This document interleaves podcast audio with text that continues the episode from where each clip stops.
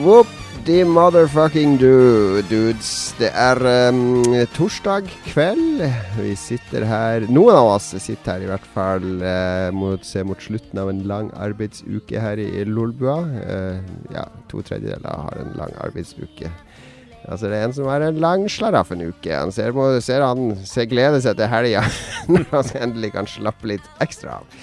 Eh, velkommen hit til Lolbua episode 126 eh, med undertittel 'Dårlig stemning'. Neida. vi får se. Vi får se. Det er litt anspent i studio i dag. Jeg heter Jon Cato. Jeg er ikke anspent i det hele tatt, selv om jeg ikke har sett barna på tre døgn fordi jeg har vært i styremøter og på prisutdelinger og diverse ting. Det, det stressende CEO-livet er uh, ingen dans på uh, grønne enger. Uh, med meg har jeg Lars Rikard Olsen. Kommer rykende fersk rett fra desken i Harstadtine. Der. Hva var den siste saken du lagde i Harstadtine, Lars Rikard? Jeg hadde med meg jobben hjem i kveld, så jeg satt og oppdaterte en mann som var forsvunnet etter en bilulykke ved Tjeldsundbrua, som du kjenner godt, Jon Cato. Var, han, var han forsvunnet sånn type X-Files? At, ja. uh, at uh, det var ingen spor etter han, og at han antagelig er abdukta? Eller var han bare stukket av fra ulykka? Det vet ikke. Han ble etterlyst av politiet med navn og bilde, og de hadde leita med båt og hund etter han av en eller annen grunn. Og så la, la, vi ut en sak på nettet. Time, halvannen, halv, halvtime etterpå så får vi vite at han er i Harstad hos en kompis. Nettopp. Det er jo ofte sånn, da. Ja. Ja. Men han hadde, hadde, han vært oppe i en ufo, da? Hadde han fått noe implantater eller noe? Vi må ringe jo Gry Jannicke Jarlum eh, for å finne ut av akkurat det. Jeg tror det. Jeg tror det. Ja, en actionfylt uh, dag på deg òg. Utslitt. Kommer du hjem, akkurat som jeg. Mm. Setter deg ned. Jeg kunne tilbrakt litt tid med barna, men nei da, jeg skal ha barna hele livet. Jeg foretrekker mine to beste venner, ja. Lars og for ikke å glemme Magnus, solstrålen fra sør. Ja. Som uh, Vi hadde litt teknisk krøll her før sending, og det er det morsomste du vet, er det ikke det, Magnus? Jeg elsker det. I hvert fall når det er en sånn her eh, Jeg har hatt, en sånn her lang uh, strøm av uh, uhell og kjipe opplevelser fra ca. fra klokka to i dag. Så jeg har skikkelig kost meg, da. Så da er det deilig å kunne avslutte kvelden med litt teknisk Hva slags kjip opplevelse er det snakk om her? At, eh, at Xbox-kontrolleren gikk tom for strøm midt i et spill? Nei. Eller er det mer alvorlig enn som så? Ja, det er mer alvorlig enn som så, altså. Det er, um, men, men, det er kanskje mer Det er ingen som har dødd i familien eller noe sånt? Nei, nei, nei. Det er ikke helt nei, nei, nei, det er ikke noe sånt. Det det er ekstreme irritasjonsmomenter, ja, jeg vi kan skrive det altså. Um, og, og det, hver enkel hendelse er ikke nødvendigvis så ille hver for seg. Men det kombinerer på en måte i løpet av dagen til å danne et slags sånn bilde av hele Du får et sånn helhetsbilde av dagen da, som kanskje ikke er så positivt. Så jeg, jeg Men er det ikke sånn kanskje at Så går du arbeidsledig òg, det er en ekstra sånn belastning. Så da blir ja, alle sånne småproblemer sånn 'Å nei, jeg brakk en negl'. ja. Men det var litt mer enn det, da. Sånn- altså, du kan okay, si ja. um, Er det nok til å fylle Er det en, en, nok til å fylle en episode av Tellefsen? Det vil nei, jo si din versjon av Seinfeld. Uh, nei, jeg kan forklare det ganske raskt, hva, hva, som skjedde. Altså, Vi har fått et nytt uh, T-banesystem i Oslo som er helt gale, Mathias. Der du har fire forskjellige T-baner som i utgangspunktet virker som om de skal kjøre til samme sted, men, og de har samme nummer, men du må lese litt på sånne detaljer om hvor de egentlig kjører. da. Så hvis ikke du tar den riktige nummer fem, eller riktig nummer fire, så ender du opp langt utenfor byen. da. Så mm. i går kveld så våkna jeg sånn jeg våkna midt på natta av sånn Jeg har glemt å tømme skapet mitt på BI. Der har jeg liksom Jeg har skolebøker der for tusenvis av kroner i, uh, i skapet mitt, og det må alltid tømmes i august. da Men jeg husker ikke hvilken ja. dato det var. Så jeg var litt stressa i dag når jeg, når jeg kasta meg på, uh, på, banen. Klarte å ta feil bane. Uh, endte opp et stykke ut mot, mot Ja, ut på østkanten, i hvert fall. Eh, neste bane gikk typ sånn syv minutter seinere. For folk som bor i Oslo, så er syv minutter dødslenge å vente på all transport. Ja, Så, det blir stress, stress i storbyen. Uh, fort, fort, fort. ja, Uh, og så måtte jeg tilbake til et annet stopp, og så måtte jeg gå over på andre sida for å vente på en ny bane som skulle kjøre tilbake. Så var den forsinka pga. trafikkproblemer og sånne ting. Så jeg var tre kvarter for seint. Og det, var, det visste jeg ble akkurat for seint til at eh, dette her studentkontoret var åpent. Så når jeg kom på skolen og oppdaga at de hadde klippa låsen min og tatt alle bøkene mine, og jeg var eh, for, Allerede for tolv dager siden så har jeg mista eh, ja, for mange tusen kroner i bøker, som er utrolig surt. Så var det ikke åpent noe studentkontor der jeg kunne henvende meg og eventuelt høre om det fremdeles eksisterte.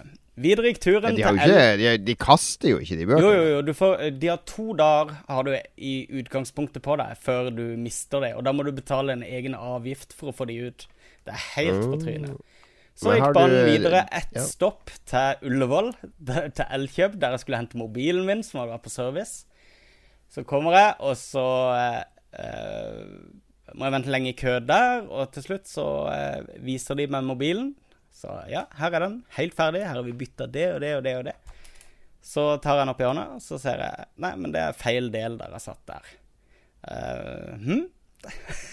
dere har satt inn feil del. Den passer ikke i min telefon. Ja, det var riktig. Det var en litt sånn rar ting. Uh, og så har Elkjøp en sånn greie med at hvis du sender en ting på service fire ganger, uansett hva feilen har vært alle de fire gangene, så får du pengene igjen. Men det ville de ikke egentlig gå med på. De var nødt til å konsultere med noen andre som ikke var på jobb lenger, fordi at jeg var kommet rundt en time for seint. Som igjen spores tilbake til den T-banen. Så jeg måtte dra slugøra hjem med en uh, tom ryggsekk uten, uh, uten bøker, og uh, min uh, lånofon, som jeg bruker frem til jeg får tilbake min elskede Sony-telefon. Så sånn starta dagen min. Og så har det egentlig bare Ja. FML. Ja, men det, jeg, jeg vet at det, det, det høres isolert sett ut som sånn første verden-problemer, men, men det er helt ekstremt når det går an å hisse seg opp på det. Og alt dette her Ja, var jeg rushtida, da. Så det var liksom sånn stå det. sild i tønnebaner alle veier, da. Jeg skjønner. Men hva har du lært? Hva har du lært av det her, da? Ikke en dritt. Hva, hvilken lærepenge? Kanskje lære deg å sette en reminder ikke siste dagen når fristen går ut? ja, altså Kanskje ta en bane som går litt tidligere, så du har en buffer i tilfelle forsinkelser? Jeg hadde egentlig en buffer der òg, skjønner du. Men jeg mista tre kvarter. Jeg mista hele bufferen min på, på det dette her eh, Og plutselig havner havne inn i rushen. Du skylder på Ruter for at bøkene dine er borte. Nei, jeg skylder ikke på de for det. Men, men det var liksom De var med og som en slags sånn her eh, innpakning. Som bare sånn irriterende innpakning på hele min skuffende tur. Kanskje du eh, Ja, men dette er jo Dette er jo det er en trist historie. Jeg føler med deg. Hvis noen har, kan ikke du ta, lese opp kontonummeret ditt, da, hvis noen av lytterne vil eh, bidra til å, til å Til at du skal få igjen noen av de pengene Ja, for det, bøkene. det er jo alltid en kjempeidé å publisere bankinformasjon på internett. Det det har jeg jo Vips, lært for lengst. Magnus Tellefsen på Vips. Vips over litt penger her, så at det han syns jeg folk eh, skulle gjøre. Det syns jeg virkelig de kunne. Alle, alle vippser én krone til eh, Magnus, så blir han glad. Jeg kan opprette et fond. Det kan jeg Hvis alle lytterne våre vippser én krone til Magnus, så får han jo, får han jo råd til en cheeseburger på McDonald's. Ja, ja, ja. Da. Og da har jeg vært i godt humør. Det er ikke til å kimse av. Det er ikke til å kimse av. Nei, det, det følger med deg, Magnus. Eh, Du får bare si ifra hvis du trenger fem minutter underveis i sendinga. Og grine litt.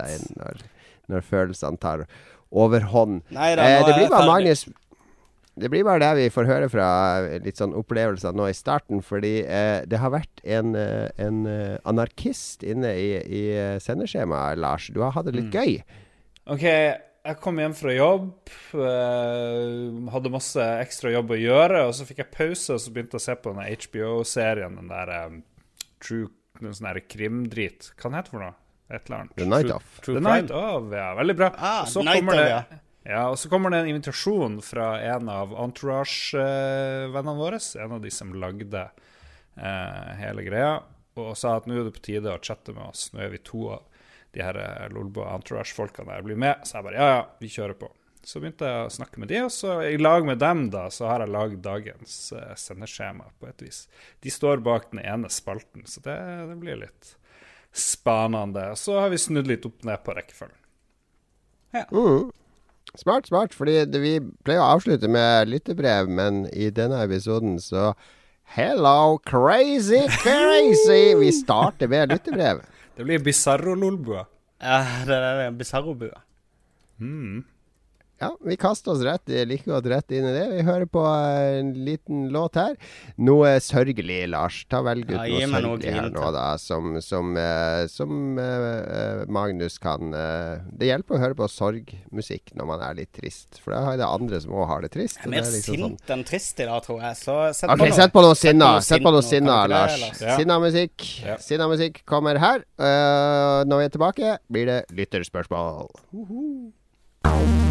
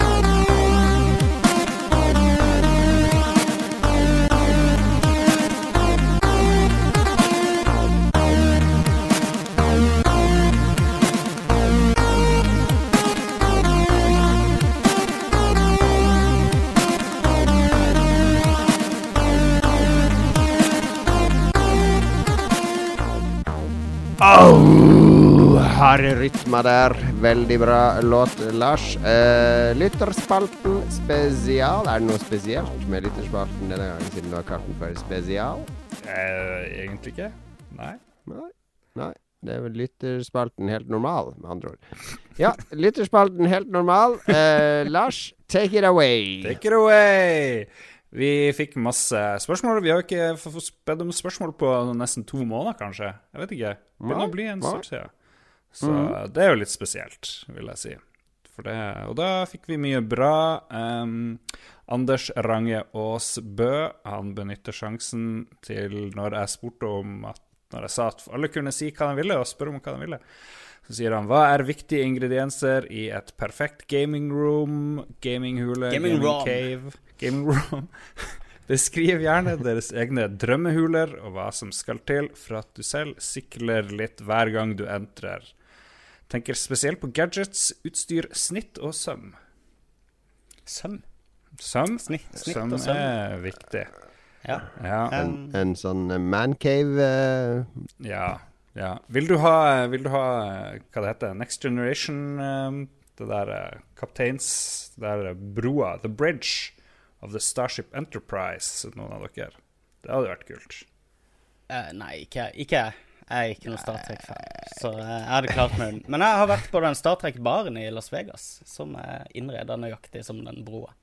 Så, så jeg har befunnet meg Kan du, be, kan de beame deg opp? Eh, nei, men du får noen veldig syke drinker der som eh, beamer deg ganske opp etter hvert utover kvelden.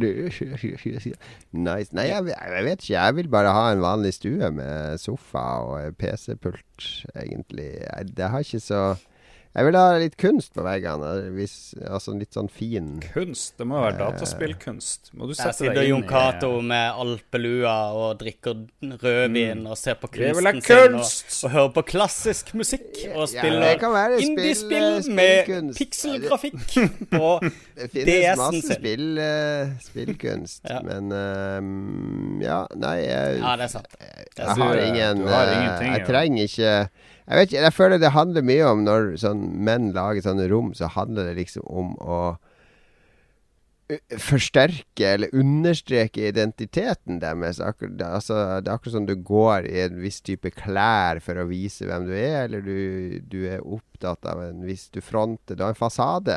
Mm. Så jeg føler at jeg er så Det høres kanskje litt sånn cocky ut, men jeg er så komfortabel med meg sjøl og min egen identitet. Så Ah. omgivelsene er ikke så viktig lenger. Pluss at jeg har tre barn, så alt blir herpa og ødelagt rundt meg uansett. Så jeg har liksom gitt opp å ha det nøyaktig sånn som jeg vil ha det. De som har gaming cave, de er jo i hvert fall komfortable med seg sjøl. Det er jo ikke sånn at du scorer dødshøyt hos uh, så veldig mange andre enn gamere hvis du har et gamingrom, liksom. Det er jo ikke noe du gjør for å få status. Nei, men det handler om å For menn tror jeg det handler om å lage en, et lite univers som de er mester i.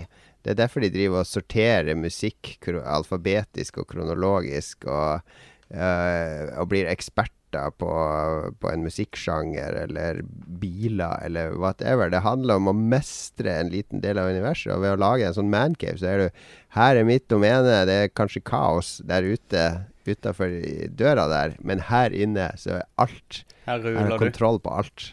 Ja. Jeg tror, jeg er enig med deg med at det skal være ryddig og patentlig. Jeg tror det eneste ryddige i leiligheten min, det som alltid er ryddig, det er liksom eh, datapulten min. Jeg har en million forskjellige dingser der nå, for jeg er litt glad i å kjøpe dingser. Um, jeg, jeg, begynner å nærme en ganske sånn optimal setting. Jeg har lyst på en skjerm til. Det er det eneste, kanskje.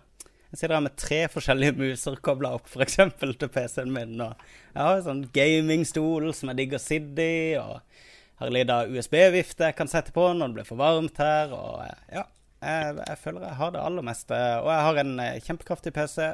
Og ved siden av meg har jeg en ganske stor, bra TV, som er ganske viktig. Ja. Alle konsollene kobler opp. Det, det her det her burde sette uh, opplevelsene i dag i perspektiv, for det, det, er jo et perfekt liv. Det er et perfekt liv der hjemme, Nei, så hvem bryr seg om noen bøker og litt ja, sånn tull og tøys? Men, men eh, det, handler, ikke sant? Altså, det handler om å Når en blir eldre, så får du liksom muligheten til å perfeksjonere litt hobbyene sine. Da, ikke sant? Og da får du muligheten til litt flere anskaffelser enn du hadde når du måtte vente til bursdag og jul og sånne ting med nye ting. Pluss at uh, det er jo en fordel å liksom eie sin egen leilighet og kunne innrede som en sjøl følger for. Men er helt, mm. det, det, er viktig det der med å liksom legge til rette for spillinga, føler jeg. At, ja. Ja. Men Lars, for eksempel, mm. hele huset ditt er jo bare en eneste stor mancave. Ja.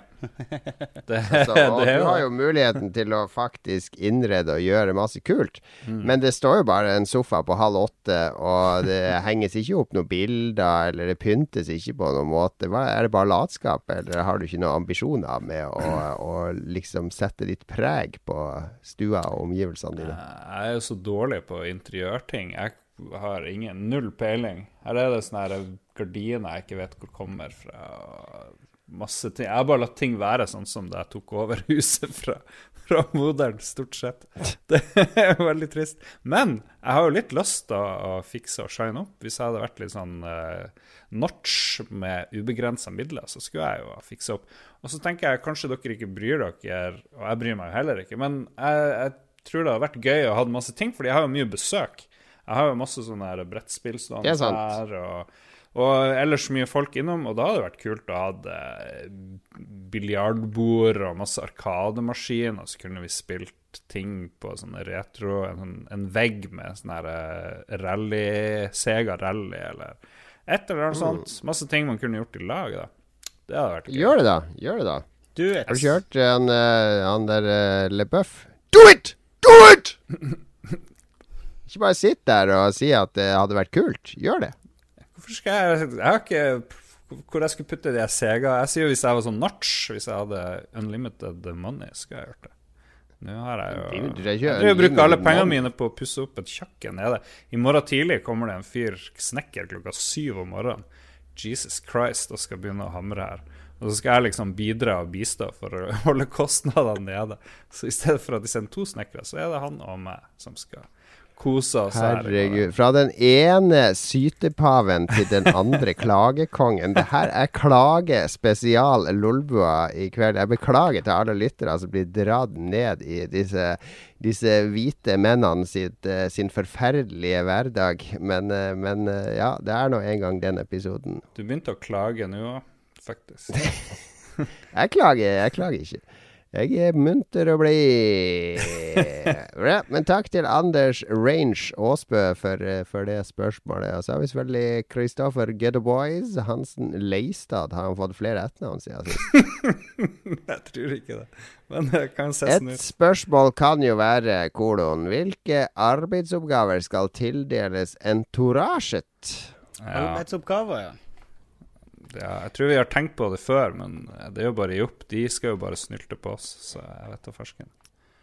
Men kan ikke vi gjøre noe f.eks. Uh, jeg har en god idé til Entourage. Jeg vil at en i Entourage skal sende sånn lytterspørsmål til uh, Vi må finne sånn lytterspørsmål så de kan sende til konkurrerende podkaster. Mm. Som får oss til å fremstå i et godt lys. F.eks. at i podkasten Lolbua så har de veldig smart syn på ditt og datt. Hvorfor kan ikke dere bli bedre på det og sånn? Så at de kommer i forsvars... Alle blir stilt i forsvarsposisjon overfor oss. Altså kan vi sjekke om de snakker dritt om oss, da. Er ikke det en god idé? Ja, veldig ok. Ja. Kjempeidé. Ja. Ja der hører er dere. Entourage. Dere kommer til å få et hemmelig oppdrag i vår hemmelige Det er ikke hemmelig gruppe, det er en lukka gruppe. Men hvis du vil bli medlem, hvis du er virkelig fan av oss Gudene vet hvorfor, etter å ha hørt eh, De fleste har vel egentlig lyst til å ta livet av seg nå, etter å ha hørt disse eh, lidende historiene fra, fra Snekker-Lars og eh, T-bane-Magnus. Men er, hold du ut. Hvis du, hvis du overlever kveldens sending, så kan du joine vårt entourage. Eh, bare søk opp Lolbua Entourage på Facebook og be om medlemskap. Eh, det vil bli en eh, kjapp screeningprosess inspirert av eh, Blade Runner-testen, Yes. replikanttesten. Hvis du ikke er en replikant, så har du ingenting å frykte. Da blir du en del av vårt entourage.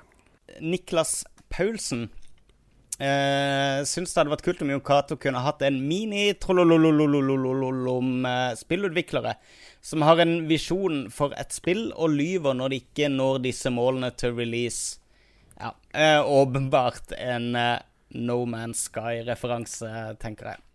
Um, hva syns du om det, Jon? Jeg skjønte ikke spørsmålet. Løy han etter at han ikke nådde målene som de hadde satt seg? Ja, det er jo, eh, det er jo et sånn løpende tema, er det ikke det? Det er jo, eh, har jo kommet en, en ganske lang sånn eh, Reddit-trend med å snakke drit om No Man's Sky. Og, uh, Ja. og der har det vært veldig mye fokus på at eh, folk har begynt å lage sånn compilation, type sånn Killery-videoer, hvor de liksom skal naile developerne fordi de har lovd noe i forkant av lansering som ikke er inkludert da i det ferdige spillet. Um, vil du rante eh, over det, Jon, eller vil du forsvare Ja, jeg kan rante, jeg kan rante om eh, Jo, men han der No Man's Sky-fyren, fordi han sa jo først at du kunne møte andre folk ute i det verdensrommet, men så har man jo funnet ut at spillet sender ikke noe informasjon ut egentlig om hvor du er engang, visstnok, eller noe sånt, så det er jo Det er helt nok en feature de gikk bort ifra, ja. Ja, typisk late spillutviklere, Jon. Kjør rant. Jeg, jeg husker Nei, jeg Tim Schafer eh, sa en sånn greie med at det finnes mange spørsmål om spillutvikling, men svaret er alltid penger. ja.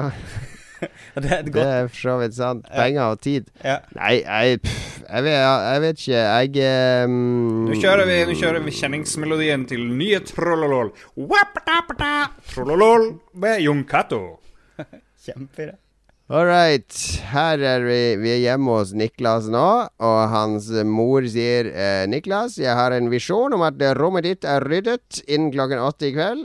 Hun kommer opp på rommet fem over åtte. Det er like rotet som før. Niklas sier Du, Niklas, du lovte å rydde rommet ditt. Ja, men jeg Ja, ditten og datten. Ja, du holdt ikke løftet. Dette er meget Nei, hva skal jeg si for noe? Jeg, er ikke for det første så er jeg veldig stor eh, Jeg syns det er gørr kjedelig med alle utviklere som aldri prater om spillene de lager, sånn som f.eks. EA og Ubisoft og whatever, der du bare får all informasjon servert i en nøye uh, en nøye regissert og klipt og manusskrevet bakomfilmer laga av studioet sjøl, som bare byr på helt fjollete salgsinformasjon, salgsfremmende informasjon om spillet. Ingenting eh, Ingenting visjoner, ingenting hjerte, ingenting bak det. Det, det syns jeg er kjedelig. Jeg syns det er veldig morsomt med utviklere som byr på seg sjøl, og som sier ja, vi lager det her, og vi, vi prøver det her, og vi ønsker at du skal, du skal gjøre det her og det her og det her i spillet mitt. Det er selvfølgelig fallhøyden stor når de faktisk tør å dele sånne ting. Altså, Peter er Molyneux kommer jo eh, raskt for eksempel, eh, Peter Molyneux var veldig glad i å prate med folk, og glad i å gjerne tenke litt høyt. si at vi holder på å lage sånn her, og, og, og så kommer han på noe. Å, det hadde vært kult hvis vi kunne få til det òg. Ja. Eh, kanskje vi skal prøve på det. Det, da har du en morsom dialog som spilljournalist, eller uh, uansett, når du faktisk får et innblikk i den kreative prosessen Mm. og uh, ambisjonene ufiltrert. Men all 95% av informasjonen som kommer fra spillpublishere, er filtrert Ja. gjennom mange kanaler og er tannløst og kjedelig. Ja, det, det kommer det og det i nye Fifa. Uh. Og det, ja, de holdt hva de lover. Ja. Det er bra. Det er godt. Da er vi fornøyd. Eh, Så jeg eh, eh, De har laga et spill, og de prøvde å få til ganske mye rart i det spillet. Og det, de har trailere som Og tro meg, hvis ingen utviklere liker E3 eller Gamescom eller noen av disse showene der de må ta et uferdig spill og lage en mockup for å vise åssen det skal bli. Altså eksempel Bioshock, når det ble vist på E3 første gang. Så var det Det betydde tre måneder ekstra utviklingstid på spillet. For de måtte bruke tre måneder på å ta et spill som ikke var i nærheten av å være ferdig, og lage en demo som så ferdig ut. Ja. Som de ikke kunne bruke i det ferdige produktet. Så, så, så lenge du Niklas og andre insisterer på å få en masse info om spill to år før de er ferdige, så må du også godta at det du ser for to år siden, kanskje ikke er 100 representativt for det du får servert til slutt. Fordi ting kan skje under utviklinga. Tekniske løsninger som man hadde en plan, Fy, kan Niklas. ende opp med å ikke fungere. Det er din feil. Eh, Hør ja, Jon bli sint på deg. et gameplay eh, Ja, ville jo ha meg litt opphissa nå foran det. Et gameplay-element som du trodde skulle være en av de store bærebjelkene i spillet, kan eh, vise seg å være skikkelig kjedelig, og at det funker mye bedre hvis du fjerner det og bytter det ut med noe helt annet. Ja. Og hvis du vil ha informasjon fra utvikleren mange år før spillet er ferdig, så, så og det skal være ærlig informasjon om hva de faktisk har lyst til å oppnå, så kommer du til å ende opp med å høre ting som ikke ender opp i det ferdige spillet. Det er jo en Så mitt som råd Ja. ja, mitt råd til, til, til alle de er slutt å følge med på spill som ikke er ferdig. Mm. Ta heller og se på spill som er ferdig, og finn informasjon om de, og kjøp de hvis du har lyst til å spille de. Det er en sånn besettelse av å ta folk i spillbransjen, eh, som det har vært helt siden det Gamergate-opplegget kom, som er kan- Det finnes bedre ting å bruke kreftene på. Altså Hvis du ikke liker No Man's Sky, så kan du få en refund på det på Steam, eller du kan bare la være å kjøpe det. Det det. Trollololol. Dette Ja, var Trollolol-spalten Returns.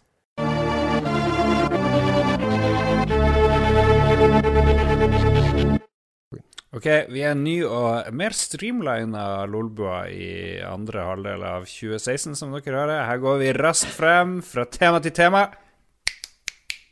Og nå er det Bjarte Rossehaug som har spørsmål eller kommentar, og han sier Er det bare meg, eller er Inside et oppskrytt spill? Spillet helt OK, men noen genistrek? Nope. Det kommer jo først. Han har to deler. Ja. Er Lars, Inside her er jo du kjempeenig, er du ikke det? Du eh, syns er jo det var eh, et skikkelig søppelspill. ja, det er faen meg elendig. Dansk drit. Det er sånn billige Tuborgen, den billigste. Røde pølser og elefantøl og inside. Ja. Hvor de mikser det restølet inn, og så deler de ut et spill, og det ble inside. Nei, Bjarte, jeg er helt uenig. Inside, eh, oppskrytt Det spørs jo hva du mener med oppskrytt, men eh, jeg spilte det med en gang det kom ut, visste ingenting om det, ble blown away. Rett og slett. Du gjorde jo det. Ja, Du var jo helt i fistel etter å ha spilt det og snakka om Goti med en gang. absolutt. Sånn, eh, ja. Det er jo eh, lov. Smooth, si. smooth spill. Jeg hørte vår helt, eh, Jon Cato, han eh, Dave Lang, eh, borte i USA. Oh, yeah. Han, eh, han sa det var sa det var eh, det mest sånn der eh, gjennomførte spillet han hadde prøvd på lenge, med det det, det spillet satt ut til å gjøre.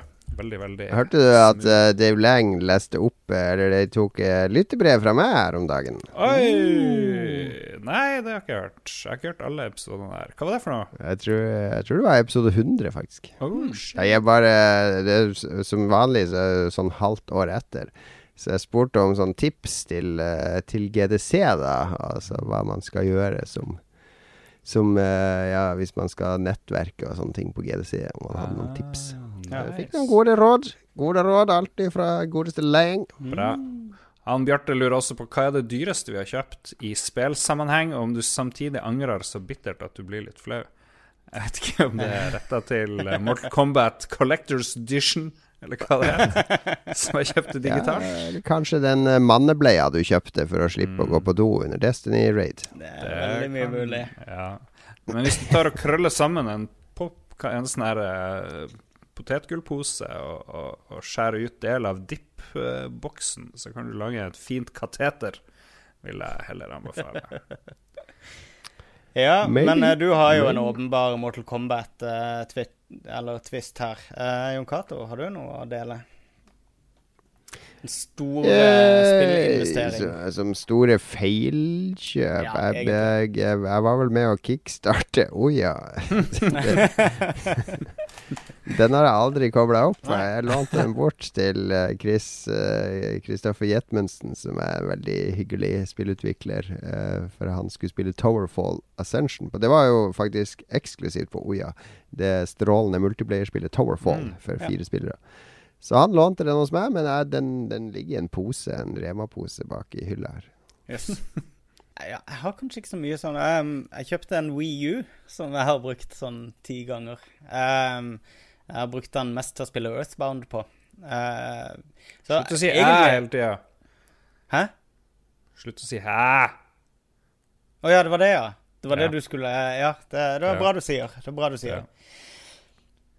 Nei, altså uh, I hvert fall, jeg, jeg, jeg, føler i hvert fall at de kanskje de tre forrige Nintendo-konsollene jeg har kjøpt, og da regner jeg med den uh, New 3DS, uh, har vært litt bomkjøp for min del. I hvert fall i forhold til hvor mye jeg har betalt for, for uh, hver time jeg har brukt den. da hvis du skal se på det. Så akkurat der har jeg nok bomma litt. Jeg kommer til å vente veldig, og jeg er superskeptisk til eh, NX, er det ikke det? Som kommer. Ja. Litt trist, for uh, GameCuben GameCuben spilte jeg i hjel. Så litt trist, men uh, jeg må nok innrømme at eh, det er nok det jeg har brukt mest penger på i forhold til hva jeg ikke har brukt videre. Og beste kjøp vet vi jo, Jon Cato. Hva er Magnus sitt beste spillkjøp noensinne? Vita. Absolutt. Det er Vita. Oh, yeah. Definitivt. Og ikke bare Vita, men også den der nye modellen av Vita. Den litt mindre eh, versjonen. Som jeg også har. Mm, mm. Jan Christian Hegel, hva vil han vite? Han vil uh, vite uh, hvilken Con Expo ville dere helst gå til hvis dere hadde hatt fritt valg? Han vil sikkert at vi skal name-droppe at han Jan Christian skal til Ja. Pax uh, nå i starten av september. ja. Han skal til Pax og jobbe med Oldboy, eller eh, kanskje? Det vil jeg tro. Det vil jeg tro. Ja. Jeg kunne veldig godt tenke meg å, å besøke Jeg vet ikke, Pax East eller Pax West. Um, Men, men han spør hvis vi hadde hatt fritt valg. Vi har jo fritt valg, har vi ikke Mm. det? Vi kan jo velge Vi kan jo dra på hvilken som helst con vi vil. Ja. Ja, du drar men, på sånn brettspill-con, tipper jeg. Noe sånt. Det har jeg vært på. Det, det, det, det, det, det er Jeg tror ikke jeg hadde dratt på det, egentlig. Jeg er ikke sikker. Jeg må tenke litt. Ta dere andre og velg Kimens. Jeg bare velger for dere, da. Så for Magnus så blir det Sovidcon. ja. ja, høy sannsynlighet, det er akkurat det. Jeg pleier å dra på For det er foreldrene mine stiller ut på en sånn her smakmesse som arrangeres i Oslo eh, hvert tredje år, eller et eller annet sånt. Og, eh, og der kommer det liksom sånn kokker fra hele landet og noen fra utlandet og viser frem en haug med nye greier og sånn. Det er en slags convention for kokker. Og det er, det, det er faktisk dritkult ute i Lillestrøm. Lillestrøm. Så eh, eh, halvveis sant. Halvveis sant. Og du, Lars, du vil dra på TrumpCon. Yes, baby. Jeg skal ut til USA i oktober. Håper Åh, Det hadde vært så bra hvis det var snart oh, Trump-rally. Du må dra på en rally. Det må du jo. Det trenger vi. Uh, vi trenger videoer til Lolbua fra akkurat det. Absolutely. Nei, jeg vet ikke. Jeg kunne godt tenke meg å besøke Tokyo Gameshow en gang. Men jeg har en sånn greie når jeg kommer på sånn spillmesser og sånn, så jeg går litt sånn kjapt rundt, og så kikker jeg sånn der eh, kjapt over alle bodene. Og hvilke spill som står på stand og sånn, og så er jeg litt ferdig, egentlig. Sånn har jeg det på alt jeg drar på. Til og med E3 var litt sånn, syns jeg. Så jeg tror, ikke, jeg tror jeg egentlig ikke er så glad i formatet. Kanskje TwitchCon, for der er det masse streamere som jeg vet hvem er, liksom. Så det har vært litt kult å se de eh, tasse rundt og i paneldebatter og sånne ting. det. Jeg ville, jeg ville ikke dratt til en con, men jeg ville invitert en eks-con hjem til meg, og så Oh. hjulpet han inn i arbeidslivet. Åh, smart. Åh. Nei, jeg hadde dratt Tokyo Gameshow, bare for da kan jeg dra til Tokyo. Sånn. Du sa Masse hjerte i det, det svaret der. Ja. Um, uh, Henrik Olafsen Elman spør hvilke dataspill tror du Donald Trump spiller? Det er jo et spørsmål til deg, Lars. Har, har ikke Papers, peiling. Please. Tror du han spiller det? Han er jo Ja. Han gjør det kjempedårlig i Papers, Please. ja. Nei. Han, er, han spiller Jeg tror han er den typen som spiller Quake med God mode. Ja, Bare for, bare for å føle seg eh, mektigst og meie ned alt. Med wallhacks og alt mulig. Så, ja. Mm. Finish in, eh, in a tremendous time. Han var sikkert en av de som drev og cheata vilt i Division og ødela for alle. Og bare levela opp fort og Ja, ja. Vi hadde ikke noe bedre svar enn det, tror jeg. Sorry. Sorry. Ja, Mm, kjedelig. Men bra spørsmål. Bra Ja. spørsmål. Ja. Du setter oss på plass. Vi Du avkler oss. Ja, det, det, det bør ligge en morsom tweet i nær fremtid her for oss, for at vi skal beholde selvrespekten på det her Trump og dataspill. Jeg tror du har rett. Ja. Eh, Mats Bekkevold, spill på Pokémon Go enda, eller før føler dere at dere er for voksne? Det er også et godt spørsmål. Var det ikke en nyhet om at det var masse frafall i Pokémon Go-campen? Et eller annet Jo, sted. Altså. De har mista en tredjedel av spillerne, tror jeg. Eh, av det de regner som aktive spillere, skal ha falt ifra. Eh, eh, altså, så de er nede i 30 millioner aktive brukere eller noe. Det er jo ikke akkurat ræva. Så det er, det er en del som fremdeles holder på, og jeg legger merke til når jeg sitter på banen og sånne ting som det, så ser jeg liksom at det, at det sitter en eller annen Veldig, veldig mange som middelaldrende som sitter med Pokémon Go. Nå har jo uh, eh, hele halve regjeringa i hvert fall blitt ferska i forskjellige typer møter, med, der de sitter og swiper og kaster eh, sånn pokerballs på fiktive vesener. Så det er vel litt i gang ennå. Jeg har slutta for lengst. Um, når jeg får tilbake mobilen min ei eller annen gang fra service, så kommer jeg ikke til å reinstallere det spillet. Hva med dere, da? Dere var jo ganske Jon Cato, du var veldig optimist på på Ja, jeg lager på av og til, men det er jo bare tidsfordriv. Det er jo ikke for å Jeg går ikke ut for å fange Pokémon. Det er bare okay, Ja, det er jo ikke jobben fem minutter til T-banen kommer, jeg kan se om det er noen Pokémon her. Ja, riktig. samme her. Jeg gjør sånn som Trine Skei Grande. Hvis jeg er i nærheten av en pokestopp som tydeligvis er på Stortinget, så må jeg jo sjekke, sjekke hva det er. Hun satt jo i en høring om Forsvarets langtidsplan og spilte Pokémon Go, og det syns jeg er helt greit. Jeg mener, alle sitter jo med mobilene sine. Det bare, de så bare at hun spilte Pokémon Go, og da ble det en svær sak. I stedet for at hun satt og leste VG eller et eller Ja, eller var inne på X-hamster eller et eller annet. Mm. Men det hadde jo vært bedre hvis de hadde jobba. Det må vi jo kunne, kunne si. Ja, men uten å faen, nå skal sitte en hel dag og høre på politikere fra Finnmark, Troms og Nordland. Jeg mener, du må få lov å samle litt pokeballs, for guds skyld. Da snakker du om å sette historien til Magnus i perspektiv. Altså, jeg har heller mista alle bøkene jeg har i hele huset, enn å sitte en hel dag og høre på politikere fra Finnmark. Ja, for det var det hun gjorde. Mm. Eller Buskerud, for den saks skyld. Ikke for å diskriminere Finnmark. Men i hvert fall, jeg tror vi i hvert fall kan si at det, det er nok ikke fordi vi føler oss for voksne, eller at det, det føles som et for barnslig spill, Pokémon GO. Eh, For min del i hvert fall så har det vel kanskje bare bleigna litt, for det er ikke så veldig mye gameplay å hente der, kanskje, ennå. Sa du at Nei, det er jo ikke det. Men Jon, hva du sa du at du heller ville hørt, høre en høring med folk fra Buskerud enn fra Finnmark? Nei, altså, er politikere generelt. Ah, ja. Ikke heller. Det er jo I Finnmark det er Det var- kult. De har jo russere rett ved siden av. Alt crazy Ja, shit. Martin Skanke, han er i politikken fortsatt. Er nå det? Det håper jeg. Trond Nyborg lurer på hvem av dere har flest platinum trophies slash achievements. Mm. Magnus har definitivt mest achievements. Ja, det tror jeg har. Ja, Ja. absolutt. Uh, jeg er litt usikker Han på jakta ganske aktivt på det i en liten periode. Ja, mens jeg jobba i spillbutikk, så jakta jeg ganske aktivt. Så, og det er jo en, en veldig fordel, kan du si, når du er nå, tilgjengelig og nå alle føler du at du har blitt for voksen. Nei, jeg har, skal vi se 87 268 gamerscore. det er Um, anstendig. Mm. Men de er trophies på PlayStation, det bryr jeg meg ingenting er om. Jeg var, jeg, jakta, jeg var glad i achievements en periode på, på Xbox. For der var det også ganske bra achievements i mange Mm. spill. Det var liksom achievements som utfordra deg litt til å spille annerledes og sånn. Men nå jeg bryr jeg meg ingenting om det lenger. Nei. Helt enig. Jeg er glad i å få de kortene på Steam, faktisk. De samlekortene. Så kan du, når du får åtte, så kan du låse opp en sånn ramme og sånn. Jeg, jeg syns det er så rart, det systemet. Og jeg, jeg, jeg eh, men jeg skjønner jo hva Steam har lagt opp der. Men det trophy-systemet Jeg, jeg syns bare de bomma liksom fra starten av på det. De prøvde å lage et litt mer sånn gamification inn i Det var liksom For de kom inn et år eller to etter uh, Achievements, gjorde de ikke det? Sony på PlayStation 3. Ja.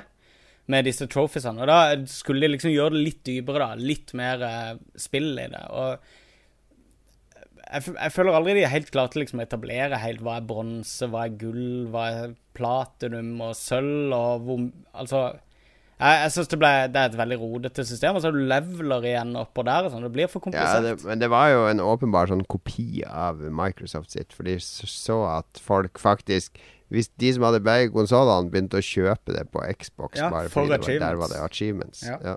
Sant det. Um, Trond Sinfor Borgersen Piss, han spør om Konami pisser på Metal Gear Solid-serien med Metal Gear Survival. Eller Metal Gear Solid Survival.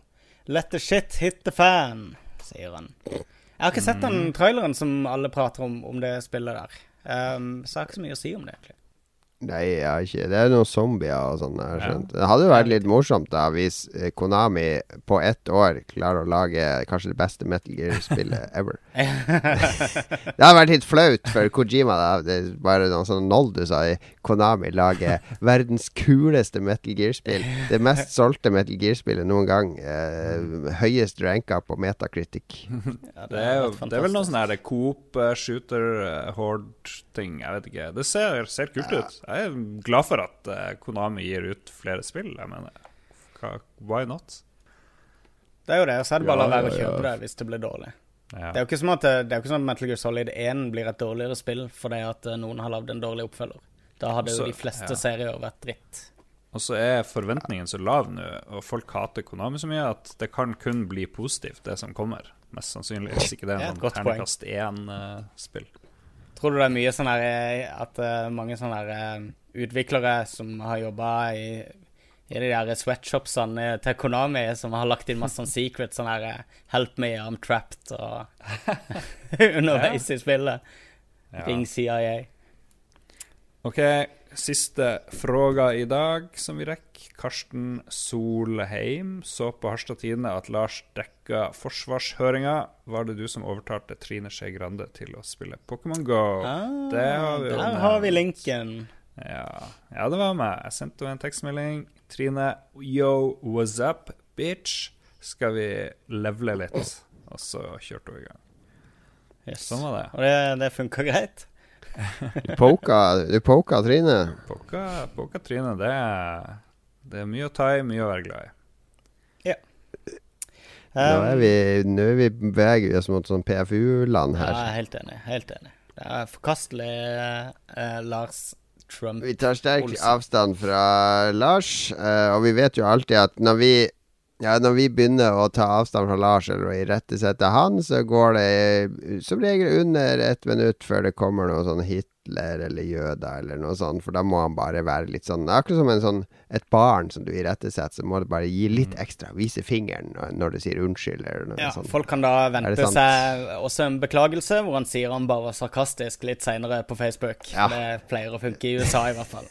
Oh, fuck, jeg glemte spørsmålet Entourage har stemt frem, faktisk. Ikke Ah, ja. det du driver på med, Jon, men eh, de drev og, og kom frem til et spørsmål, og det var Magnus Eide Sandstad, vår venn fra Erdritt, som kom med veldig teknisk eh, spørsmål her. Eh, jeg er litt nysgjerrig på de involvertes, involvertes fortid pre-internett.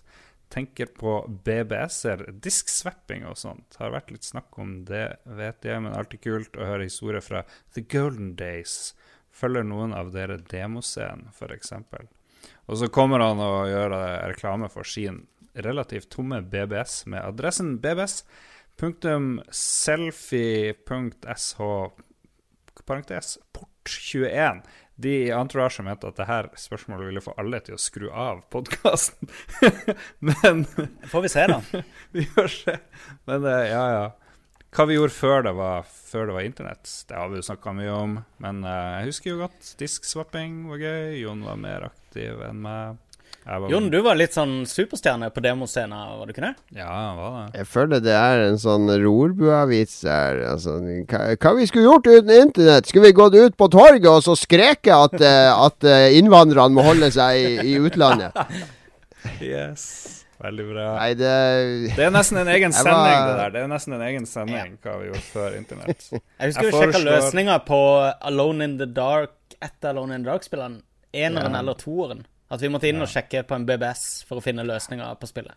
Vi tar en BBS spesial en gang. Ja, det er en veldig god, eh, god, godt tema, det er pre-internett. Mm. Um, og det, det er en podkastepisode òg, så vi kan distribuere pre-internett. Altså, vi sender den på kassett Den får du tilsendt, rundt ja. til uh, lyttere som vil ha den. Bare de, de uh, vippser oss eh, portoen, så får de den på kassett. Nei, Vi kan lage en pre-internett-episode i nær fremtid der vi mimrer litt om hvordan, hvordan det faktisk var å måtte benytte brevdue og røyksignaler for å få spill. Uh, godt forslag fra Magnus. Nei, hva heter Ma Ma. Ma Magnus, ja. Takk, Magnus. Takk, takk. Det var det for lytterspalten denne gang. Nå pleier vi å runde av episoden, så nå blir jeg helt sånn døgnvill. Vi er vant til at nå skal jeg eh, ut, og så bare eh, sier kona mi sånn Ja, åssen gikk det nå? Sånn, Nei, vet med Lars og Magnus og bla, bla, bla. Så nei, da, nå skal vi faktisk fortsette. Vi skal høre denne trudelutten, så er vi tilbake med en helt ny spalte som utgår, ser jeg at Lars har skrevet nå. Så da er vi tilbake med Vi skal snakke litt om hva vi har spilt i det siste. Hold ut, hold ut, det er snart over.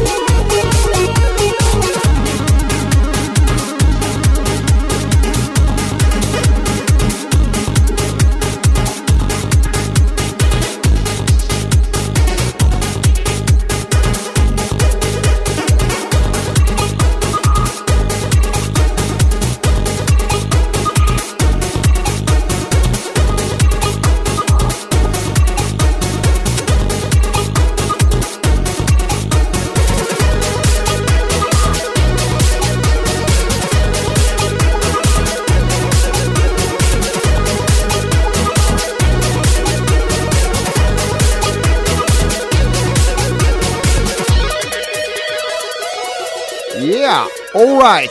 Ooh, nice tune, man. Uh, hva har vi spilt i det siste?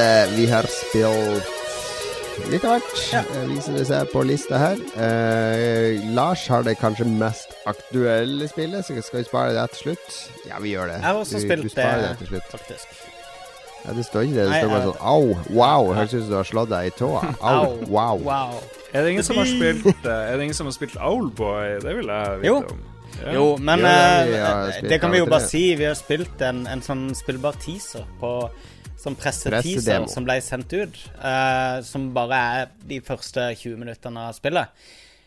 Vi kan godt uh, si foreløpig, og det er jo, det er, jo ganske unisont, at vi er begeistra for det spillet. Supertighte kontroller. Det er superbra. Det er så tight. Ja, det, er så, det, det er jo det. Det er ikke bare fin grafikk. Det er jo For jeg tror Altså, han Simon, det er han som lager grafikken. Mm. Hans visjon av det her. Han er jo en Han er topp fem i verden Ja. i pixelartisteri. Så det er liksom det alle ser bilder av det spillet, bare wow! Det ser så pent ut. Og så tenker jeg Joremi, som står for mye av programmeringa, han tenker Han vil ikke at, at det skal være noe sånn derre halvveis gameplay og kontroll og flow Mm. under den fine grafikken, så han legger mye arbeid i å få det til å flyte helt suverent bra. Og når du flyr rundt der, og skytinga, og hvordan fiendene reagerer, rekylen og Det føles så Det føles veldig, veldig, veldig veldig, veldig bra. Så dette er Det er Goti-materiale in indiespill, altså. Mm. Definitivt. Og for de som lurer, så er det jo de norske Er det Dpad Studio de heter? Noe sånt? Ja. De har vært gjester. eh, Vi har vært de som gjester. Vi har en, eh, en egen uh, Owlboy-episode hvor vi prata Ja. med dem mens de var i et sånn uh, uh, hus i USA og uh, Ja. programmerte. Det er sant, det. det var, da var ikke jeg med. Ikke jeg, jeg trodde alltid det var D-Sound Studio som Ja. lagde det spillet, med Simone, Simone i hodet. Ja. Du skal jo være en sånn uglegutt. Men um, jeg, jeg tror vi skal heller uh, ta og snakke mye mer om Owlboy når vi får uh, fullversjonen, som er rett rundt hjørnet. Altså. Så, uh, men vi kan i hvert fall si til folk at eh, hvis de har lyst til å gå inn og putte det på wishlisten sin på Steam, så må de gjerne gjøre det nå. Jeg tror ikke det er noe de kommer til å angre på hvis de ender opp med å kjøpe det uansett. Gjør det. Altså For alle, alle Fedora-bærende gamergatere som sitter der ute nå, så kan jeg, må jeg informere om at eh, nå som jeg lager spill, så har jeg jo Jeg snakker jo med, med Joremi eh, ganske ofte, så jeg er totalt inhabil her. Så løp og kjøp.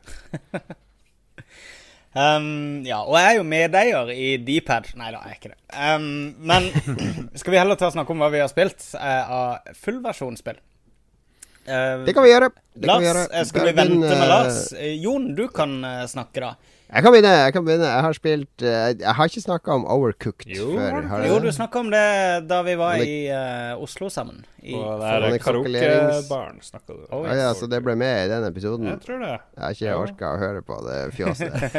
det er, for alle som ikke har hørt forrige episode, så er det magisk. Dere kan høre 'She's in love with the teacher' fra Jon Cato. Kan Ja, høre sant, litt sant. 'Living on a Prayer' fra meg, hvor Jon endelig fikk avkrefta at, han- at jeg var veldig flink til å synge karaoke. Og Ja, du bare gjorde det til. alt mulig. Nei, det var det er en morsom, morsom episode. Det er fra Bra- øya hvor vi var tur. samla alle sammen. Mm. Ja. Men Jon, uh, Overcooked har du snakka om. Ja, jeg snakka om det. Jeg glemte det allerede. Meget eh, glemsk for tida. Nei, Jeg har spilt uh, jeg, det, har har jeg glemt å skrive opp, men jeg har jo selvfølgelig spilt mitt favorittspill denne måneden, nemlig Hidden Game by Mom. Hidden My Game by Mom. Det er et japansk eh, spillutviklerselskap som lager mobilspill. De heter Hap Inc., tror jeg det heter. Ja, Hap Inc. Og de, eh, de har en enorm produksjon. da Det virker som de gir ut sånn ett spill i måneden. Det er gratisspill. De er veldig enkle spill, egentlig. Det, er ikke masse fancy animasjoner og gameplay, men det er en sånn um, litt sånn bisarro WarioWare-humor i et par av de. Jeg har spilt Ja. mange av spillene deres nå. Men Hidden, uh, Hidden My Game by Mom uh, er et spill Det er 30 brett, og på hvert nivå så har, uh, handler det om at mammaen din har gjemt DS-en din, for hun liker ikke at du spiller så mye. Så liksom, på første nivå så ligger den under puta i sofaen. Altså, du må bare trykke på puten på sofaen, og så der er DS-en. Så trykker du på den, så bare Yes! Hjerta! så kan han spille. Men så, OK, ja, det, det er jo veldig kult. Ikke? Og så kommer du på brett fire, da er det plutselig en svær krokodille i stua. Altså DS-en i munnen til krokodilla. da Hvis du prøver å ta den ut, så biter den deg, så er det game over. Så du må ta en pinne først og putte i munnen. Det er litt som et sånn pek-og-klikk-eventyr, der kapittelbasert, der hvert kapittel er en sketsj.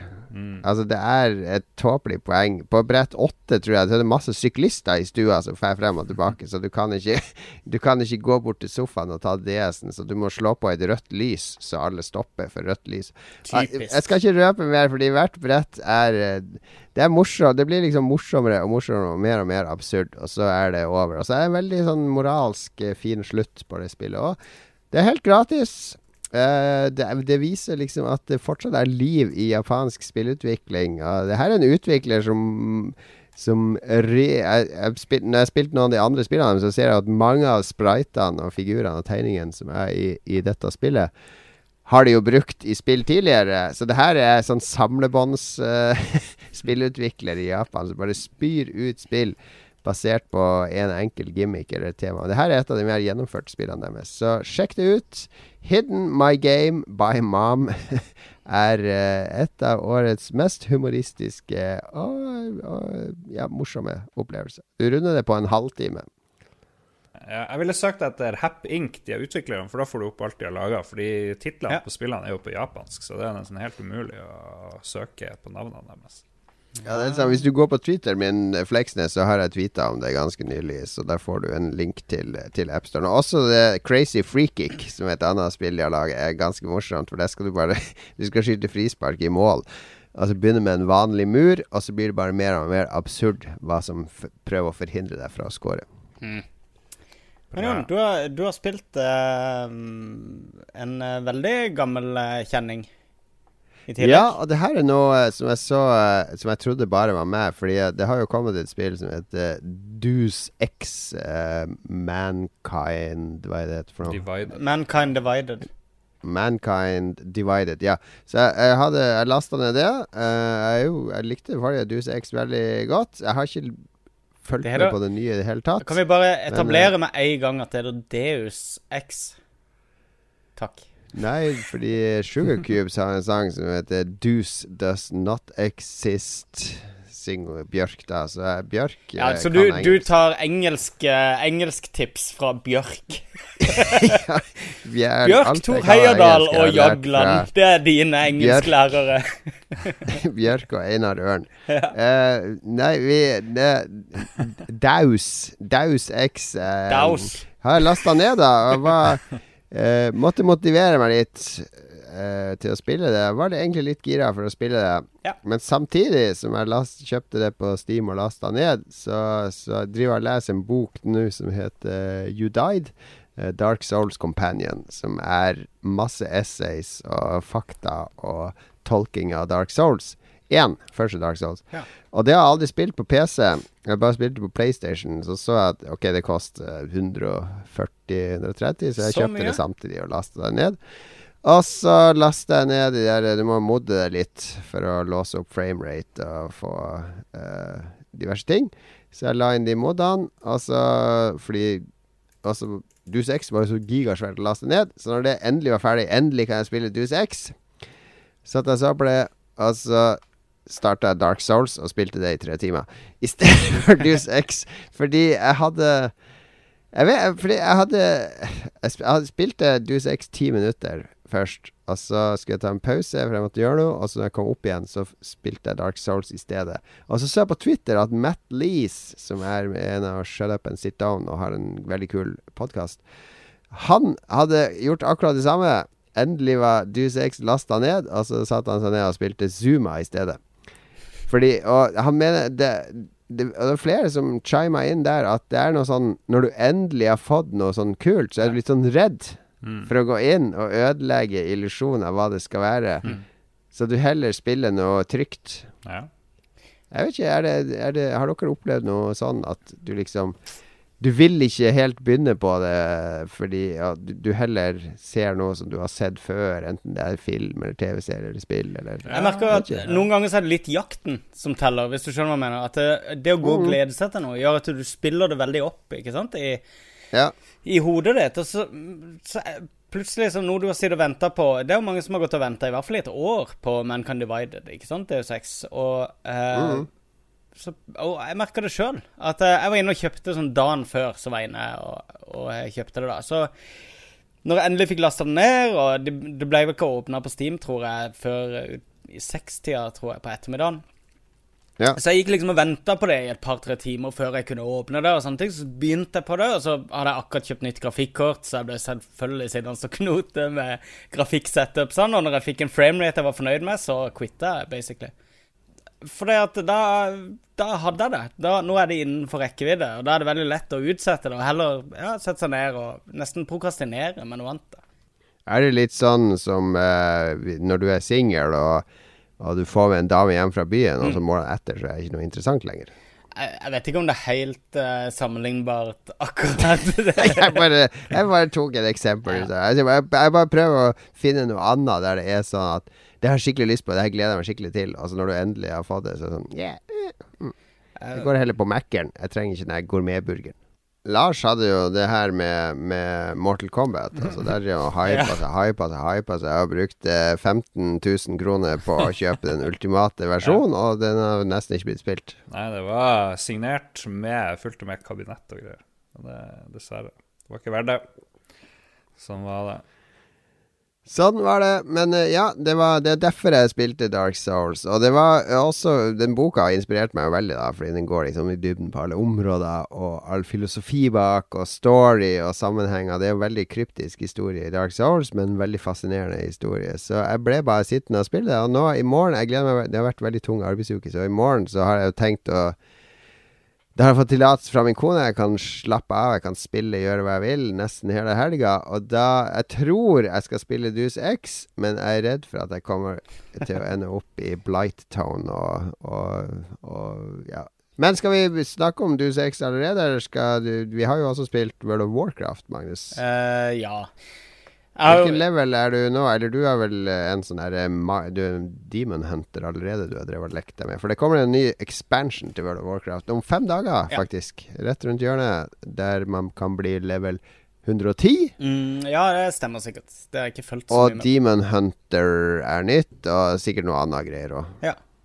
Um, jeg har jo beta-tilgang, men jeg har, jeg har, faktisk brukt mest tid i, i, selve spillet. For jeg hadde ikke spilt det der Warlords of Warlords ja, Du kan jo bli Demon Hunter allerede nå. Ja, men du må ha, du må ha preordra spillet, så du må eie spillet for å begynne på en Demon Hunter. Og jeg eide ikke spillet før i dag, så jeg har Ja, okay, ja. ja Så jeg, jeg lagde en Demon Hunter i dag. Men jeg har brukt det, eh, det som er så kult med Blizzard, noe de er veldig flinke på, er å bygge opp til expansionsene sine. Og i forkant av Legion så har de vært helt fabelaktige med sånn pre-launch events da overalt i uh, ja, De har laget sånn lydbok og sånne ting òg? Det har de. De har lagd en, en podkast som er dritkul, hvor de har sånn dramatisert uh, forklaring av Lauren, da, om hva som skjedde mellom Wallers of Draenor og, uh, og, Legion. Men det er veldig nerdete.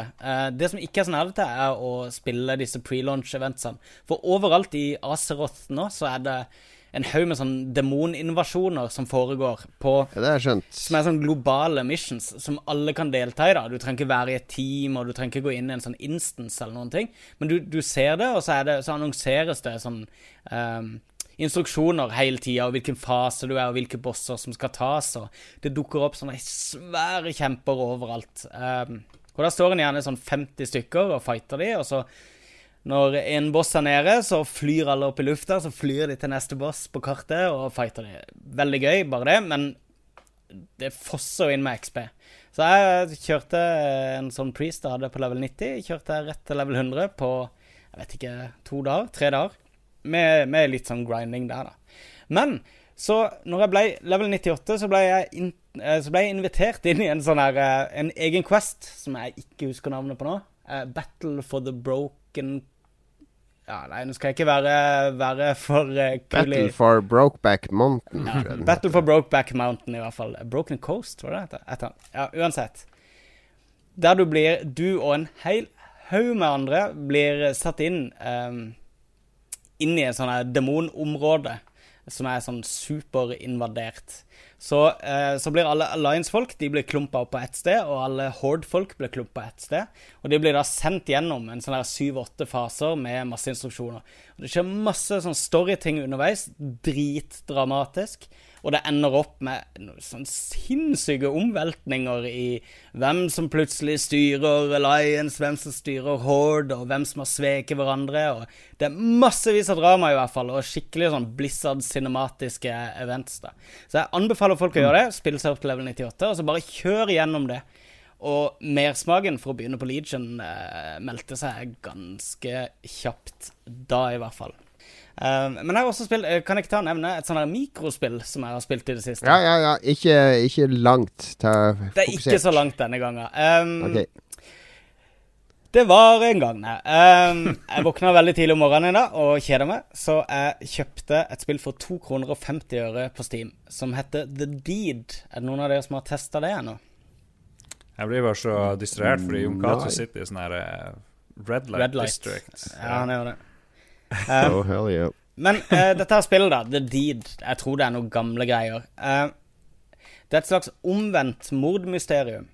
Uh, hvor du er en, slags, en sånn aristokratsønn, sånn bitter aristokratsønn, som har blitt skjøvet ut fra å ha veldig dårlig sånn, forhold til familien sin.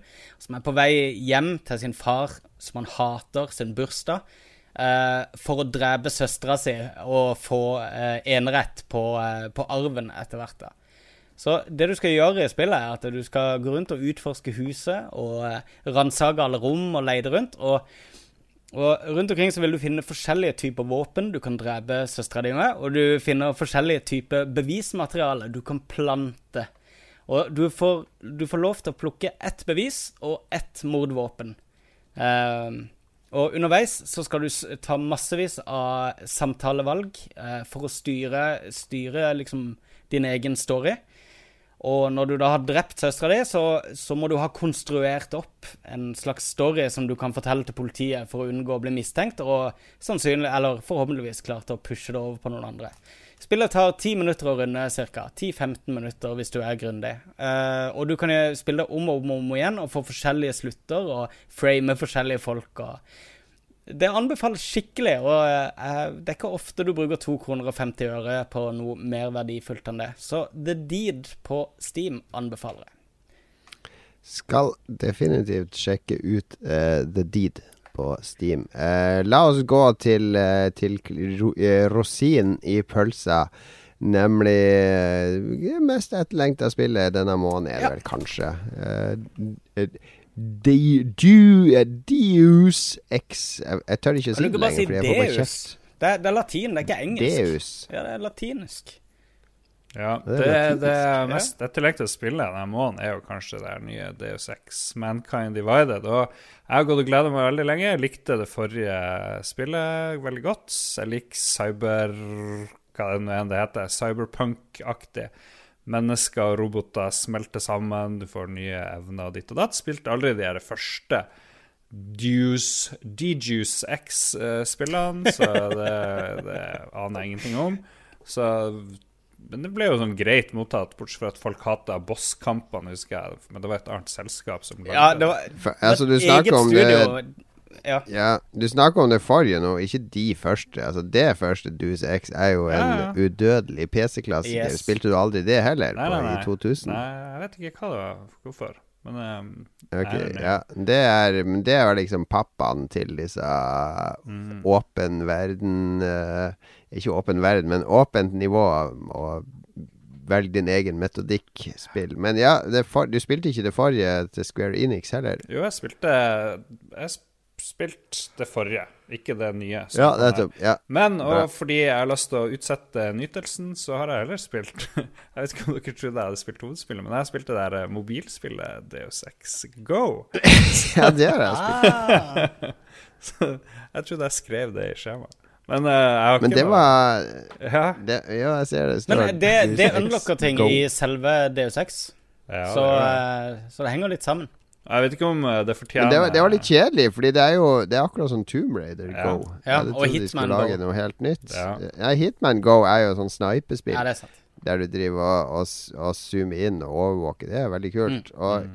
Tomb Raider Go er akkurat som Dusex Go. Du går på et sånn rutenett. Ja, Bortsett fra at i stedet for slanger og edderkopper, så er det jo folk. Ja, det er rundebasert, liksom. Og så kan du hacke, og det kunne du ikke gjøre, men det er jo bare en annen måte å pulle levers på og sånne ting. Og så kan du få stelt-funksjon. Det er jo et solid spill, da. Det er jo veldig solid. Det er det, men jeg hadde forventa noe helt annet enn en bare la oss reskinne Tomb Raider. Ja.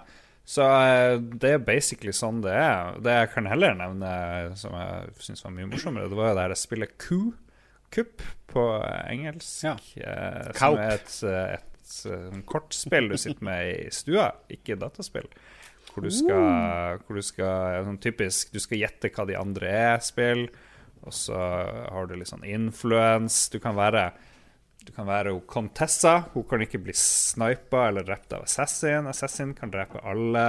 Alle kan utføre ku hvis de har nok penger. Og så må man sitte der og lure på hvem er de andre. For alle kan lyge.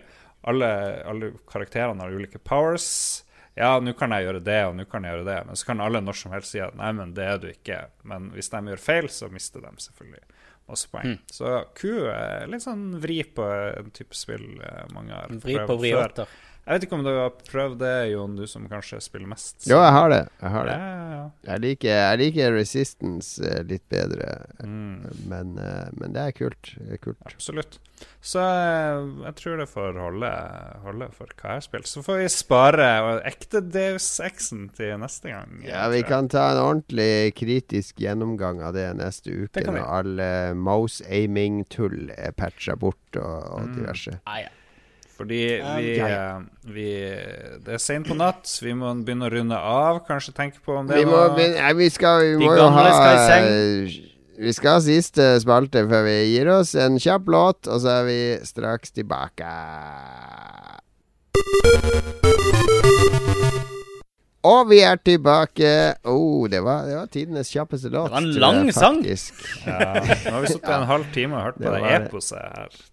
Det på. Det er mega-eposet. Nei, vi skal jo Vi har jo flytta den uh, Hva har vi gjort i det siste til slutt. Ja, Det var litt uh, håp om at den skal vare uh, kortere, egentlig. er min Nei, det var en litt rar løsning, syns jeg. At det er Ja, sånn, det, vi prøver, vi Ja, vi prøver. prøver, Men Magnus prøver. klarte jo ikke. Han har, du har allerede fortalt. Vi har fått hele nei, nei, jeg historien for hele dagen. Jeg har gjort noe. Nei, nei, nei. Ok, ok, ja, du har brukt mye av tida di. Da får du begynne, da. Nå skal vi ha kort og konsis. Og ikke noe sånn emo-drit om noen bøker i et skap. Noe sånn. Få noe happy, happy Det var happy. Jeg var i Madhallen forrige uke på en sånn testmiddag for uh, kokkelandslaget. Hvor vi, eh, Ja vel. hvor vi fikk prøve eh, Der de testa ut hele, eh, hele eh, oppsettet som de skal bruke i det der Hva heter det? Bocuse d'Or, eller et eller annet sånt der. Eh, som er en sånn her eh, OL i kokkelering, da. Som Norge pleier å vinne. Det, Norge er jo helt i verdenstoppen der. Så eh, vi Hysa, satt og Hysa spiste d'Or. Det har Eh, jeg Bo, aldri hørt om. Bocuse. Eller Bocuse, heter han. Paul Ja. Bocuse. Det er, det er verdens fremste kokk-dude. Hvordan uttaler Bjørk det her? Uh, ja. Bocuse tror jeg ligner veldig. Det tror jeg òg. Um, men det var dritgodt. Uh, det kosta 500 spenn. uh, pluss at du betalte for vin uh, med siden av. Det anbefaler jeg skikkelig å gjøre neste gang de skal kjøre sånne testmiddager. De gjør det nede på Kulinarisk akademi på Mathallen. Anbefaler å lese litt opp på når kokkelandslaget De har et junior- og et seniorlandslag. Jeg anbefaler å sjekke når de driver med det. Når vi spillutviklere kjører sånn test, så er det jo sånn at du, du, du må fylle ut et skjema etterpå. Nei, det var sånn, ingenting sånn. Det, det. Ok, der, så det var bare for at de skulle øve seg på å lage mat? Riktig. Og eh, det var veldig Så mye fagfolk der. Får du gjort sånn der Du tok en bit, og så bare Å, fy faen! Alle gjorde det hele tida. Spøy og Må jo gi det litt, eh, litt sånn uh, dårlig selvtillit. Men alt var faktisk kjempegodt. Uh, jeg er var det nøtter i noe? Fordi det, problemet for meg som nøtteallergiker, ja, vet du at alle sånne der uh, uh, sovidcon-kokker, de, de skal jo putte nøtter i huet og ræva i alle retter. Ja, Mm. Nei, det var ikke noen nøtter, så vidt jeg vet. Men de, de kan ha lurt inn i de forskjellige dessertene og sånne ting. Men Ja. Ja. Veldig, veldig godt. Nei, men- og uh, ble kjent med en uh, veldig kul kokk som uh, hadde mye interessant å lære meg over noen pils etterpå. Så det var gøy. Alle var enige om at det hadde vært en fin kveld. Ja. Foreslår du starter organisasjonen Er du nødt, Jon Cato? A nut for nuts. Nøtt. Nei, men var, det var en gang jeg var i en sånn eh, bursdag på en thai-restaurant der det var bestilt eh, sånn fellesmåltid. At det kommer sånne store fat som alle liksom skal dele. Og det er ganske. Hvis man er 20 mann i en bursdag, så kommer det sånn fat med 20 vårruller, altså det er fem minutter neste, så kan du bare spise én vårrulle, for du vet at de andre 19 skal ha hver sin. Altså, det, var veldig lite mat, da, egentlig, til alle de. Men jeg hadde jo sagt jeg har nøtteallergi, så jeg fikk sånn egne asjetter, da. Så når de andre fikk sånn 20 vårruller på deling, så fikk jeg tre sånne spesialvårruller til meg, da, som var nøttefrie. Det var total ubalanse på kjøkkenet, så jeg var jo stappmett. Jeg måtte jo gi bort de siste tallerkenene de kom inn med meg, mens de andre bare kasta seg over dem. Men det var ikke den historien jeg skulle fortelle. Jeg har egentlig Jeg, skal, jeg, jeg har egentlig jeg har, Det har skjedd så mye kult eh, de siste ukene. Så, og jeg har ikke lyst til å bruke hele sendetida på mæ, mæ, mæ, selv om jeg vet at det er det lytterne egentlig vil høre på. Så jeg, jeg la ut eh, i vår eh, gruppe Lolbua Entourage Vi har fått to nye medlemmer bare siden streamen starta. Så jeg la ut en poll da der de kunne få velge hvilken av de her tre historiene de ville høre. Eh, A. Om hvordan jeg har skaffa meg Hulu Pluss og nå ser Kriterion-filmer døgnet rundt. B. Om hvordan det gikk da jeg fikk motorhavari på vei til hytta forrige helg. Eller se Om hvordan det gikk da en russer hacka PSN-kontoen min for ikke så lenge siden. Jeg tror jeg vet hva Så som vant. det er en soleklar seier til uh, hackehistorien da. Fortell, uh, med fortell. den russeren. Det er jo veldig rart at folk ikke vil vite hvordan du fikk Hulu pluss, for det sitter jo alle og venter på. Wow, liksom. Wow. Hulu pluss. Jeg har mye morsomt å, å fortelle fra um, eh, Hulu. Fra, fra de filmene jeg har sett på Hulu. Men det dukka opp en Nå har jo Cato sovna her. er Men er nei, la uh, OK, ja, russer-hackehistorien, den kommer nå. Ja. Det var, for det her var nemlig dagen etter vi spilte inn forrige episode på den uh, famøse karaokebaren og, og hele den pakka der. Eh, det ble jo en del ø, eh, øl den kvelden, da. Eller flytende loff, som vi lifesemmere liker å kalle det. Ble en del alkohol, eh, ble god stemning, godt nivå. Jeg var hjemme i seng nærmere ett. Jeg hadde fri dagen etter, for jeg skulle på øya. Og det her var også den samme kvelden som No Man's Sky ble lansert, da. Og eh, det var jo en voldsom buzz rundt det, da, så jeg hadde jo lyst til å spille det litt før jeg dro på øya. Så min kone sto opp og leverte barn i barnehagen og sånn, og så når huset var tomt Klokka åtte om morgenen det var ganske dårlig laber form. Jeg kjente fortsatt litt sånn Ja. Det satt mye alkohol i kroppen, men jeg tenkte ok, nå står jeg opp, så går jeg ned i stua til PlayStation, og så bare eh, logger jeg på.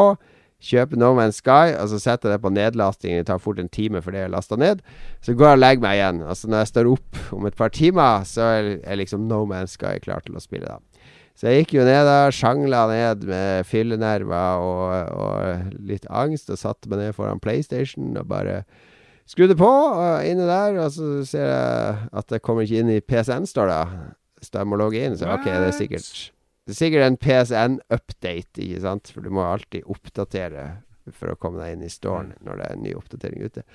Men jeg ikke Jeg kom ikke inn der heller. Det står 'please log on', og så bare OK, jeg tasta inn Brukernavnet mitt sto der, tasta inn passordet. Det funka ikke.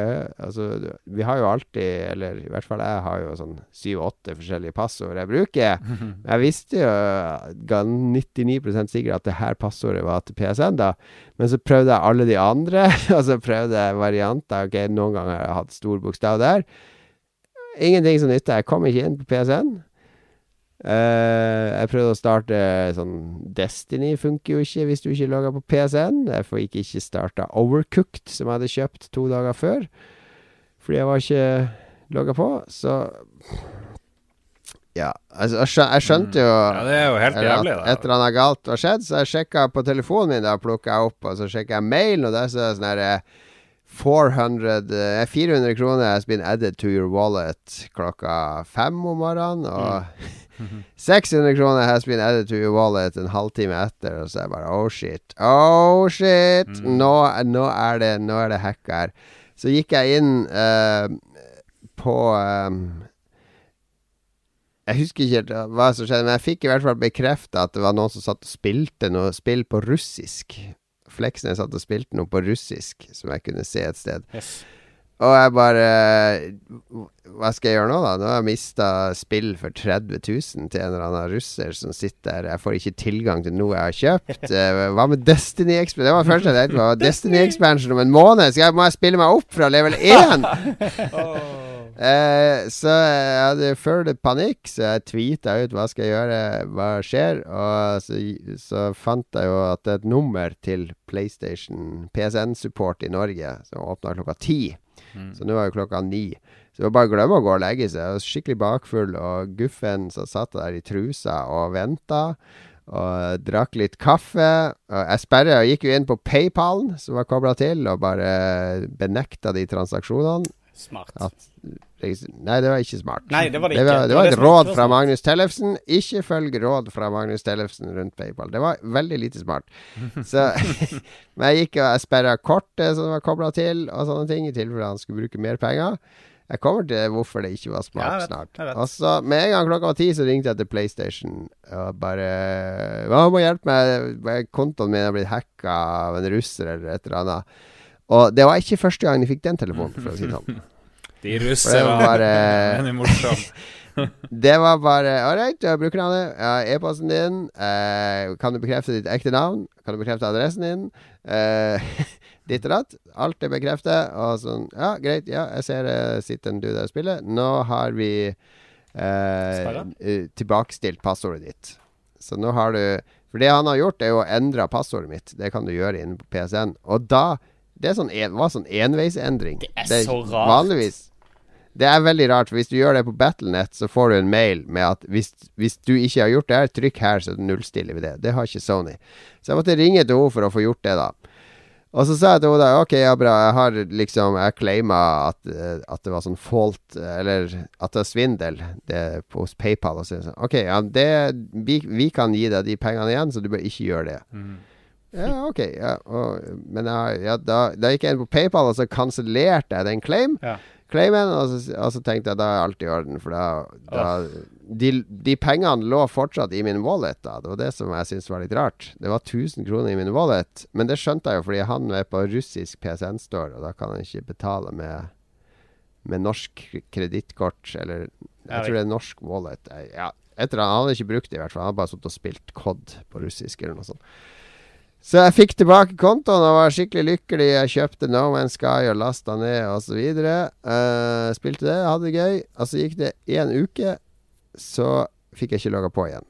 Og så bare, hva, hva skjedde nå?